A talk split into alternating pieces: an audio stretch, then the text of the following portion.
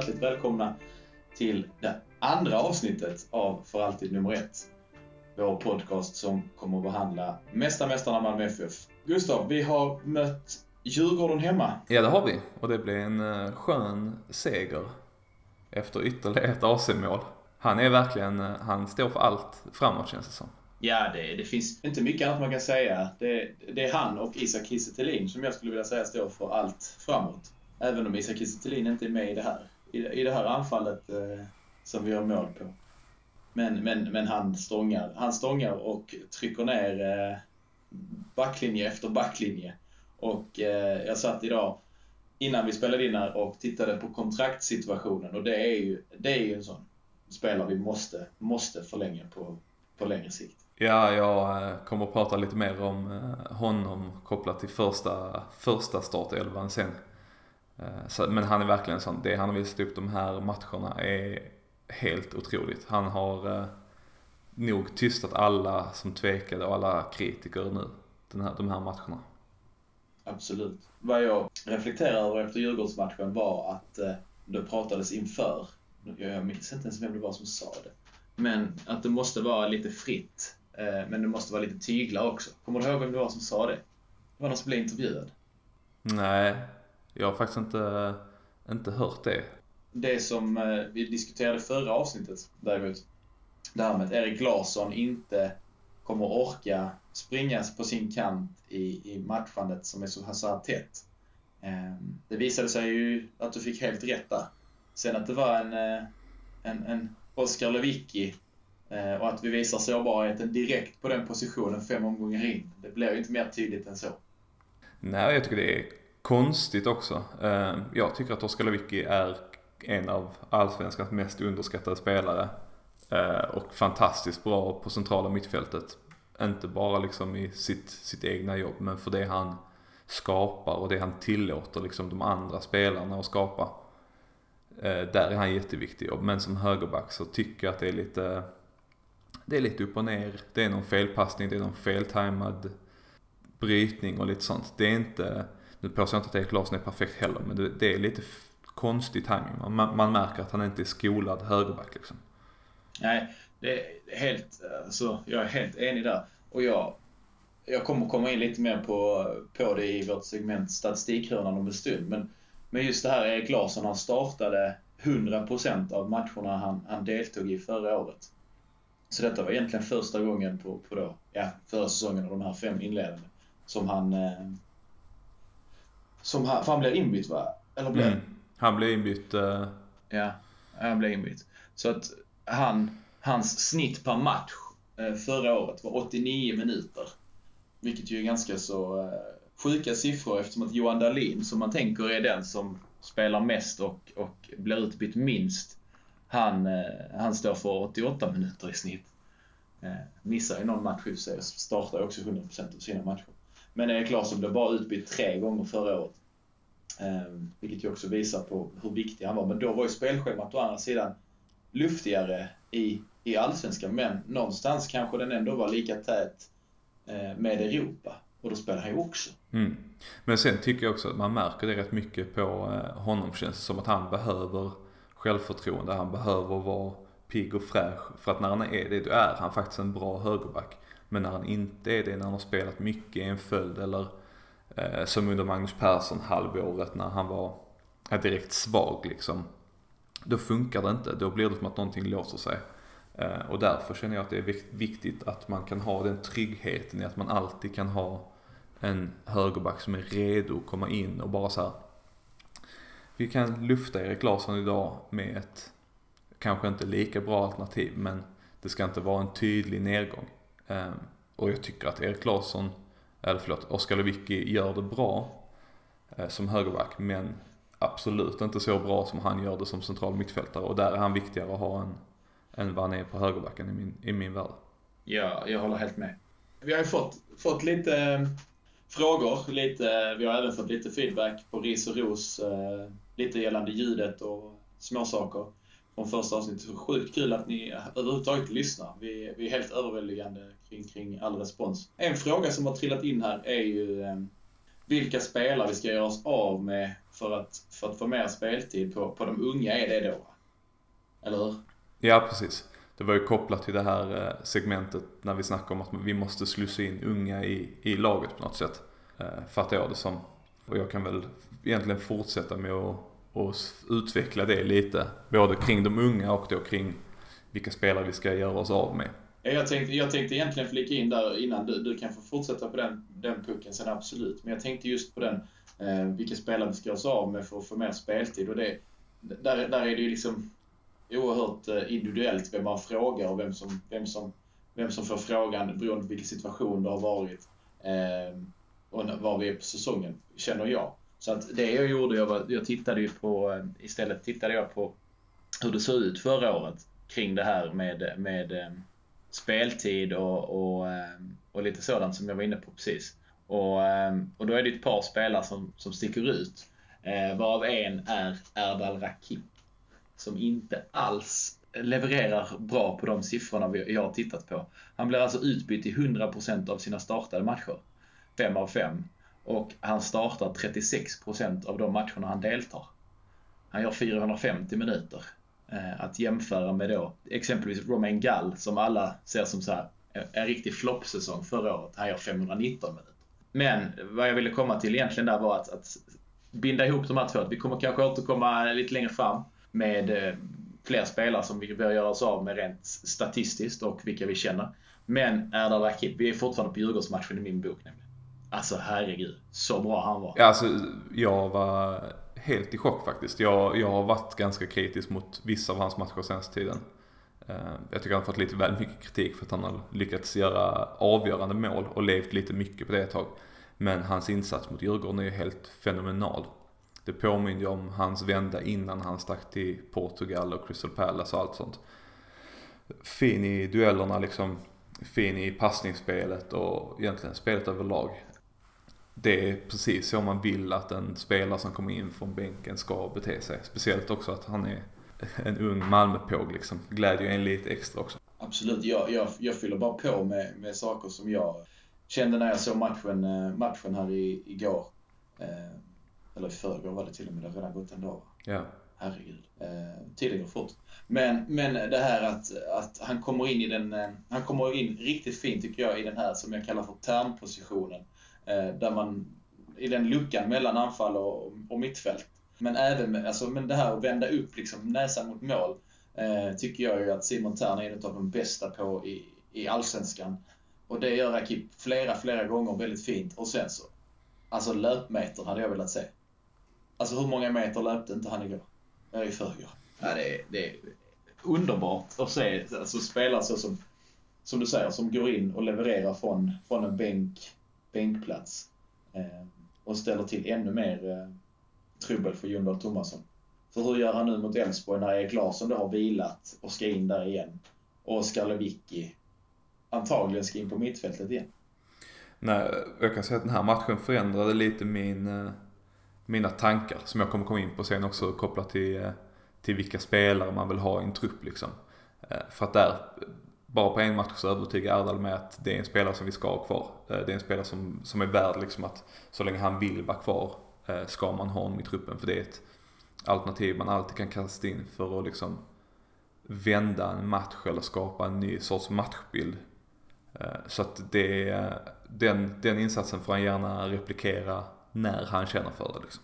Vi går vidare lite på, på Djurgårdsmatchen. Så har jag eh, satt upp eh, ytterligare en punkt som jag tycker är alltså ett, ett enormt problem Malmö FF 2020. Eh, och jag fick ju i förmiddags när jag satt och tittade på lite statistik och, och så ännu mer vatten på den kvarnen. Gällande spelare. Vi får ett bra frisparksläge utanför straffområdet på, på högersidan. Och vi har ingen bra vänsterfot överhuvudtaget som kan slå den. Mm. När Tim Pritcha spelar så är han ju vänsterfot. Men Bereng Safari joggar över hela plan. Och ja, han står ju bara vid bollen. I, han, lurar ju inte, han lurar inte målvakten och han lurar ju verkligen inte mig. Och när AC ska försöka slå den med högerfoten. Ja, det, alltså det, hur bra han än är AC så kan han inte, han kan inte göra mål därifrån. Som då vi ser Sebbe Larsson göra lekande lätt mot oss på, på Friends. Och det tycker jag är faktiskt svaghetstecken i Malmö FF 2020, att vi inte har, har någon bättre vänsterfot. Ja, faktiskt. Vi, det är väl Knudsen gjorde ju ett mål där mot, eh, vad var det, Karlskrona i kuppen eller något sånt. Eh, på frispark från, eh, från högerkanten då. Men annars kan inte jag komma ihåg när vi hade en riktigt bra vänsterfot och jag vill inte påstå heller Ricardinho. Ja, och, och Jotun typ. Men jag kan inte, jag vill inte påstå att liksom Safari eller Knudsen skulle vara ett, ett seriöst alternativ på en frispark i ett offensivt jättebra läge. Där vill man ju ha någon annan som kan eh, liksom, med säkerhet träffa mål eller ställa till trubbel för målvakten. Ja, och, och, och de matcher vi startar till Pritcha så, så, så, har han ju en bra vänsterfot. Det är, inte, det är inte det jag säger att vi inte har några vänsterfötter. Men tittar du på hela truppen så har du Tim Pritcha, Berang Safari, Samuel Adrian och eh, Jonas Knudsen. Eh, enligt vad jag har kunnat hitta det var lite så vagt på transfermarkt med, med, med vissa av, av de unga spelarna. Men jag tror jag lyckades eh, lista ut deras fötter ändå. I mitt Excel-ark här. Och det tycker jag är ganska svagt. Alltså där är inte, där är inte någon, någon anfallare mer än Tim då. Där är inte någon mittfältare mer än Samuel Adrian som inte spelar så mycket. Nej, och det är också en sån sak som bra lag är. Det blir liksom ett extra hot för, för motståndarna. Att ja men nu frisparkar i högerposition blir sällan så himla farliga för att man sätter liksom AC där som försöker curla den över muren. Eh, och det funkar inte särskilt ofta egentligen om vi ska vara helt ärliga. Nej, Nej och, det, och det är det jag menar, där borde man ju istället ha en annan, en annan variant på det. Att Safari spelar en kort eh, passning till någon som kommer ett rakt läge istället eller något annat. Tänka till lite. Alltså, för att han lurar ingen. Han har ställt sig vid den bollen sen han kom hem till MFF. Av tagit enstaka och tyvärr inte gjort det så bra på dem. Skönt att du går ut och förespråkar för eh, korta frisparkar också. Så har vi korta frisparkar, korta hörnor och långa inkast. Vadå? Det är ju bättre att behålla bollen inom laget känner jag. Alltså än att, än att dra iväg en hörna med den medel, medellängden vi har på 1, vad är det, 1,84. Ja, det, det, det, det, där är andra lag som alla de andra lagen är ju längre. I princip, känns det som. Det, det kan jag ta snabbt på hörnorna också, eller på hörnor och inläggsfrisparkar. Den här eh, varianten som vi har kört sen, jag vet inte hur många år det är nu. Med att Lewicki går in på bortre och ska liksom slå den där för att överraska backlinjen om att han så här, han är kort men han är jävligt spänstig. Den har ju inte funkat sen han, gjorde, sen han lirade i Häcken liksom. Eh, så att jag förstår inte varför vi fortsätter envisas med att slå den mot Lewicki på bortre. För att alla, alla lag vet om att han har en otrolig spänst och är bra på huvudet. Så att jag kan inte komma på när den funkade senast alltså. Nej, så är det. Eh, har du något mer på, på, på Djurgårdsmatchen som du känner? Det är väl inte så mycket. Generellt sett så var det väl en stabil match. Eh, som vi sa innan, AC och Kiese Thelin visar att de är fantastiskt duktiga. Men eh, inget så här jätte som man känner att man vill ta. Vet du vad jag tyckte var skönt? Nej. Att man slapp se den här bilden florera, finns inget bättre än 1-0-segrar. Jag såg den, den såg inte jag. jag såg den ett par gånger faktiskt. Du gjorde det? Jag, jag kanske var så lycklig och nöjd att jag stängde, jag gick inte ens in på Twitter. Jag går bara in på Twitter i effekt. Ja, nej men det är verkligen så här man, man har en rolig bild men man behöver kanske inte dela den varje gång. För att det känns som att det tar ut sin rätt lite. Ja. Jag har en grej till som, som, som du också var inne, inne lite på i förra avsnittet. Och det var det här att många anfall går via AC, med all rätt. Men på sista tredjedelen tänker jag att, att det, som, det som den här kloka personen som, inte, som jag inte ens kommer ihåg vem det var. Men det här att det måste vara fritt på sista tredjedelen. Det ska inte gå via AC varje gång vi ska komma till ett avslut. För då kommer vi inte komma till lika många avslut. Det var några lägen där de letar in passning bak till AC utanför straffområdet. Och det är... Jag vet inte, det, det, det blir lite trubbigt känner jag. Vi blir lite endimensionella känns det som. Alltså om man ser till Djurgården som har ett faktiskt om man ska ge dem lite ros här så har de ett riktigt bra crossspel. Alltså det är många bollar som slåss från höger till vänster med ett snabbt inlägg därefter. Och det, ja, alla våra sådana spel ska gå via AC. Eh, det hade varit lämpligt om det liksom klev fram någon lite mer och tog den, tog det ansvaret. Jag tyckte att Rakip gör ett bra jobb på den då. I vissa sekvenser driver fram boll och försöker hitta nästa. Men som du säger, det är mycket som ska gå tillbaka till AC eller uppspelen från ytterbackar ska liksom landa på ACs fötter. Vi fick ju ett, eh, ett gäng frågor som vi, som vi var inne lite på innan. Eh, som du ville spinna vidare på Gustav, men jag stoppade dig för jag sa att vi, vi, vi måste göra färdigt segmenten i rätt ordning. Ehm, och vi fick ju en fråga, eh, alltså det här med, med, med snacket som vi hade om de unga spelarna. Om vi kunde liksom spinna vidare lite grann på det. Ja, alltså igen, det här hade jag kunnat prata om i en, i en evighet känner jag. Men eh, så kul eh, ska vi inte ha för att så mycket tid har inte ni. Det, alltså, vår främsta målsättning är att vinna. Vi ska vinna guld, vi ska vinna matcher, vi ska, vi ska vinna allt. Eh, men vi har också ett mål, det är att utveckla spelare för framtiden. Egna spelare, vi ska inte bara köpa in dyra färdiga liksom. Och det är ju en säkerhet både för klubben själv, att man har en säkerhet i att man kan sälja spelare i framtiden men också då att utveckla Malmöpågar till att bli bra och framgångsrika och nå, nå långt i sina egna karriärer. Eh, och kopplat till det så måste, ska vi såklart ha en så stark första elva som möjligt. Eh, men i andra elvan, eller bland reserverna om man säger så, så tycker jag att det kanske är värt att väga kvaliteten i en, säg 30-åring mot den potentiella kvaliteten i en 18-åring eller 17-åring som går att utveckla för framtiden. Eh, jag förstår att man vill att, att kunna byta in en 30-åring som kan säkra en match, som kan vinna en match åt laget. Men där kanske man också får se möjligheten att så här, den här tonårsgrabben kan komma in och utveckla sig själv som spelare och göra det bra. Eh, och precis som jag sa förra gången, att man ser på AIK att deras kanske tre bästa spelare är liksom 17-18 år gamla och det kan, det borde inte vara omöjligt för Malmö att ta fram lika gamla spelare som gör det lika bra, om inte bättre. Eh, och det kan jag gå vidare på direkt också att igår i AIK i Göteborg så pratade de om AIKs fantastiskt unga trupp. Som vanligt, börjar bli lite tjatigt nu men eh, jag kollade upp det här eh, och i ungdomslandslagen via Transfermarkt och Svensk Fotbolls hemsida. I grabbar födda 01 så har Malmö fem spelare med. AIK har två. Eh, och det är samma i pojkar 02. då har AIK en spelare, Malmö har sju. Eh, och det kan jag tycka är lite talande för att så här, Malmös talangfabrik är riktigt bra. Men de tar inte sig hela vägen fram men också då som jag sa att AIK har en AIK har vågat släppa fram spelare som inte gör bort sig. Så jag tycker att det visar för oss att vi måste våga göra detsamma. Frågan dök också upp om vi skulle ha en farmarklubb. Eh, som Hammarby exempelvis har med Frej. Och det, där känner jag spontant att, att om de inte kan spela i MFF, för att vi lånar ju ut dem idag. Till andra klubbar i Allsvenskan.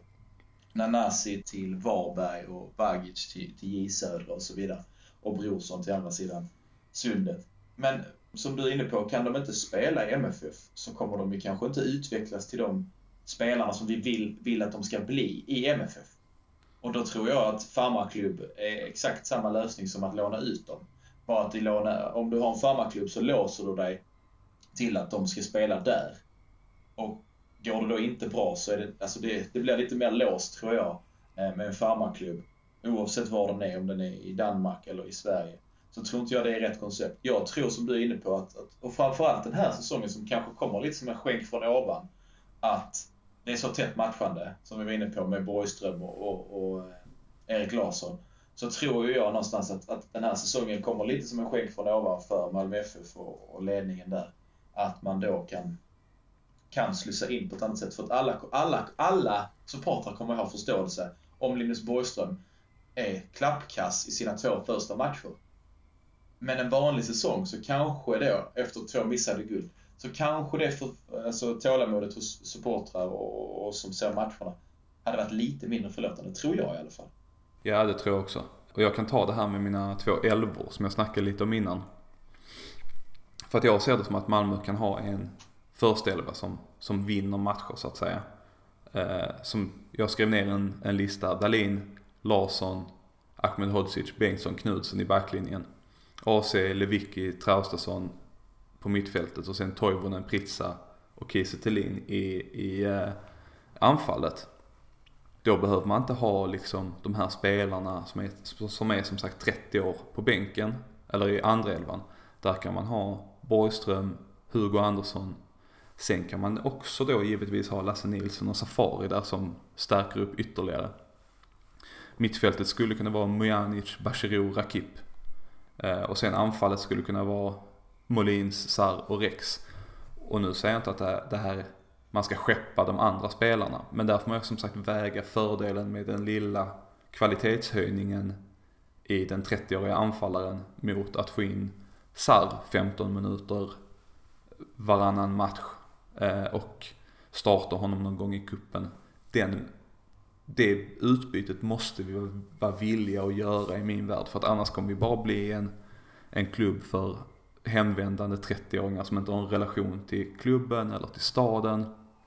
För att det kommer inte komma fram någonting. Nej men precis, och jag, jag vill verkligen inte att Malmö FF ska hamna eh, i en situation där man blir som ett italienskt lag eh, som, som har liksom så 40 trupper, eller 50, och, och lånar ut hälften till, eh, till superettan-klubbar eller division 1-klubbar och sen så hoppas på att en av dem ska bli stora talanger. Liksom. Eh, för att någonstans tänker jag att, att, som du är inne på med landslaget och allting, det, bara det är ju ett kvitto på att MFFs akademi är helt rätt och är på rätt väg. Liksom. Så att någonstans där, samarbetsklubb säger vi nej till och eh, vi vill att, vi, vi, vi känner väl att Malmö FF nu i år har möjligheten och bör ta den chansen att slänga fram fler talanger och se om de kan simma, för att citera den gode Åge. Sen finns ju alltid, eh, all, det finns ju alltid möjligheten att låna ut spelare fortsatt, precis som vi har gjort nu med Nanasi, för han kanske inte bedöms tillräckligt bra för att ta det här A-lagsklivet i år. Och det är ju en jättebra lösning. Men vi kan ju inte bara fortsätta låna ut spelare år efter år efter år tills deras kontrakt går ut och sen så bara, ja men tack för din tid här, eh, nu får du ta det till Lunds BK liksom. Utan någon gång så måste man kasta in dem i, i hetluften och se om de är en sån som höjer sig med nivåökningen liksom. De kanske höjer sig av att gå ut på stadion jämfört med liksom någon någon vall uppe i Småland eller så. För det som är, det som är lite så intressant kring det, eller vad man ska säga, det är ju att, att det här med utlåning funkar jättebra med Adi Nalic till AFC förra året. Han gjorde succé i början och var jätte, jätte, jättebra där. Och sen när han kom tillbaka tänkte man yes, nu har vi liksom en sån som kan slå sin gubbe och göra det oväntade och göra poäng liksom från centrala eh, banan, eh, på kanten och så vidare. Och så startar han då de två matcherna mot Wolfsburg som är de tuffaste på, på hela säsongen för MFFs del, tillsammans med Arnel. Man tänker wow, du vet, det är, ändå, det är kul att se MFF med, som satsar lite ungt och eh, äh, Nalic inte eget, men ändå någonstans liksom en ung talang. Och sen vad händer? Det är det största mysteriet i år. Nej, det är ganska konstigt att se och läsa om vad som händer. För att helt plötsligt så tas han inte ut i trupperna och det ryktas om att han är på väg utomlands. Eh, samtidigt så får han inte chansen i, i MFF så man undrar ju om det har varit någon konflikt om han liksom eh, inte kräver, eller kräver speltid eller någonting i den stilen men det är verkligt, verkligen intressant hur han har fallit bort från diskussionerna om att starta. Jag vet inte om det är liksom konkurrensen som har avskrämt eller om det är något annat som har hänt men eh, det vore intressant att se om han skulle få någon speltid nu de nästkommande matcherna och se hur han presterar. För att eh, i dagsläget så känner jag mig rätt osäker på vad han är eh, rent sportsligt. Liksom. Okej, då är det dags att presentera ett, ett, ett segment vi hoppas att ni ska gilla. Som vi känner att eh, det här finns lite mer utrymme för. Eh, och det kan man kalla nördhörnan eller, eller som vi har valt att kalla det, statistikhörnan. Och där har vi kikat lite, försökt ta fram intressanta aspekter. Även eh, plockat, snappat upp och plockat upp sånt som Dplay behandlar och kunna diskutera det lite mer eh, med MFF-ögon. Ehm, men i det här fallet så handlar det om eh, vår målsfördelning, alltså vår spridning av mål. Hur, hur den har sett ut kommer vi titta på. Vi kommer också titta på hur MFF mellan åren 2015 och 2019 eh, har presterat när det har varit lite publik på läktarna. Eh, och eh, Gustav, hur tror du att fördelningen är på målen eh, 2019 eh, höger kontra vänster? Eh, jag skulle tro att eh, flest mål kommer från eh, högerkanten i grunden faktiskt. Baserat på Erik Larsson. Han, är, han har stark, stark inläggsfot kanske till att ta i, men jag vet att han har gjort mycket assist under de två senaste säsongerna. Beroende, baserat på ja, grinta och, och inläggsfot kanske. Och du har helt rätt. 23, eh, om vi bara delar upp, det, delar upp det höger, vänster och övrigt. Och då är övrigt allt från straffar. Cool. Eh, då är övrigt allt från, eh, från straffar, skott utifrån, kontringar och erövring och press och självmål och sånt. Så har vi gjort 23 från höger och 18 ifrån vänster. Och sen så får du en till, en till gissning på kring spridningen. Hur, eh, hur många har vi gjort i första halvlek av våra 69? Eh, ja, men eh, jag skulle nog tro att det är, det är inte hälften. Det är kanske 25 av de målen. Det är inte långt därifrån. Det är 19 kontra 40 i, i andra. Så det är, det är en rätt så, en rätt så stor vikt åt andra halvlek. Och det är inte så konstigt när man är, när man är Malmö FF, när man, när man är det lag som ligger på och ska föra spelet och låsa upp nycklar och så ju. Men jag blev lite så att det ändå kom en, kom en 18 mål ifrån vänster hade jag inte på förhand eh, gissat. Utan jag hade som dig sagt att balansen mellan, mellan eh, höger och vänster var till, till stor vikt eh, åt höger. Men det är uppenbart att det är en ganska jämn fördelning däremellan. Samtidigt så har vi ju haft stora delar av förra året hade vi ju Rex och Traustason i ett fantastiskt samarbets Eh, partnerskap eh, på vänsterkanten oftast. Så att det är, ja, jag kanske till och med trott att de skulle vara lite högre. För att eh, Rex var väl ganska bra poängmässigt och Trausesen också under fjolåret. Men... Det kan du få av mig också om jag bara kan hitta rätt flik här. Kanske det låter lite klickigt, det får ni leva med. Men det är intressant att se poängen förra året. För det har jag givetvis också plockat fram och sammanställt.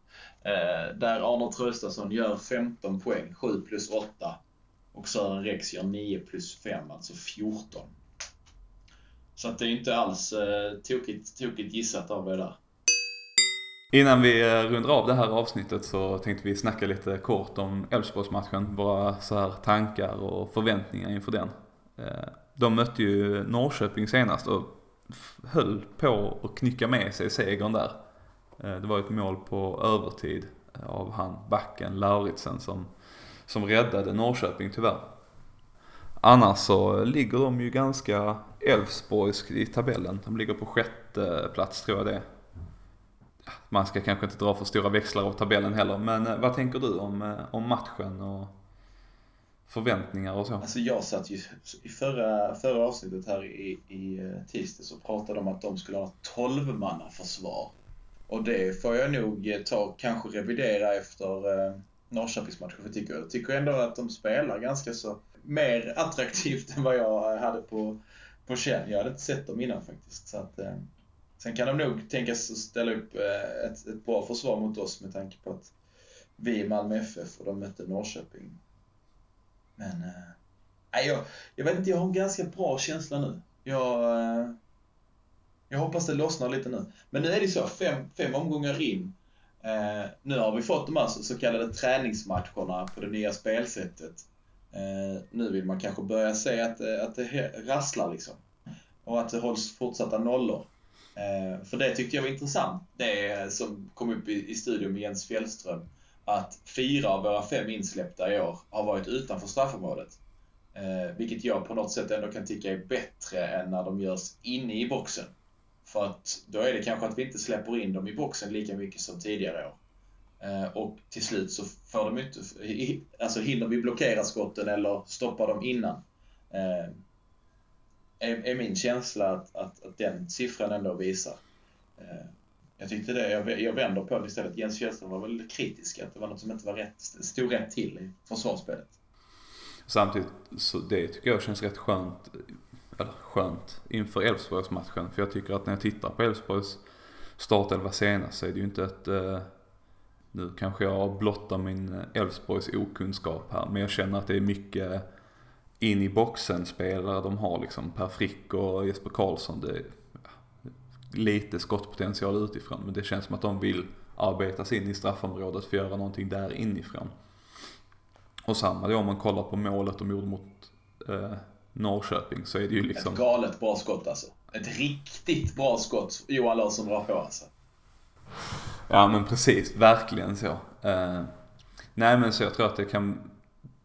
Det borde bli som du säger att så här, träningsmatcherna är slut nu för MFF. Nu handlar det om att gå in och gå in och visa att tankarna och spelsystemen sitter. Och jag hoppas att Toivonen kan göra fem minuter. Jag räknar inte med det. Jag tror man sparar honom ett tag till.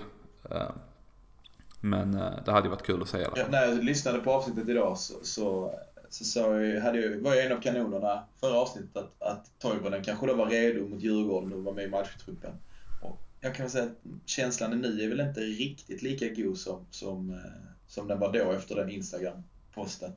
Eh, Elfsborg borta, möjligtvis att han är med. Sen är det Mjällby i Svenska cupen-semi. Och där kanske jag skulle kunna tänka mig att han är mer potentiell inhoppare än, eh, än mot Elfsborg. Det är dels på gräs eh, och sen är det Östersund, en lång jävla resa eh, på, på torsdagen efter bara.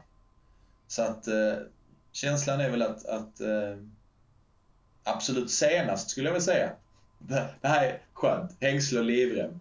Men absolut senast så tror jag att han är med i truppen mot, mot Östersund då. För då är det säkert någon som behöver stanna hemma på grund av eh, att det är en lång resa. Kanske Kiese Thelin, nybliven eh, pappa där till två tvillingar. Kanske kan få lite ledigt.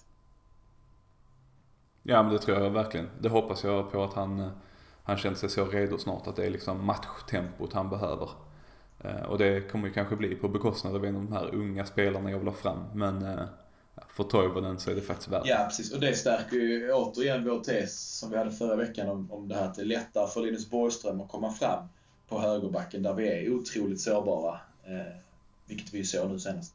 Eh, för till exempel Sarr som ska förbi liksom, ja men Pritcha, Molins, Berget, Toivonen, Thelin innan han typ är där. Glömde jag nu någon där? Det gjorde jag Antonsson.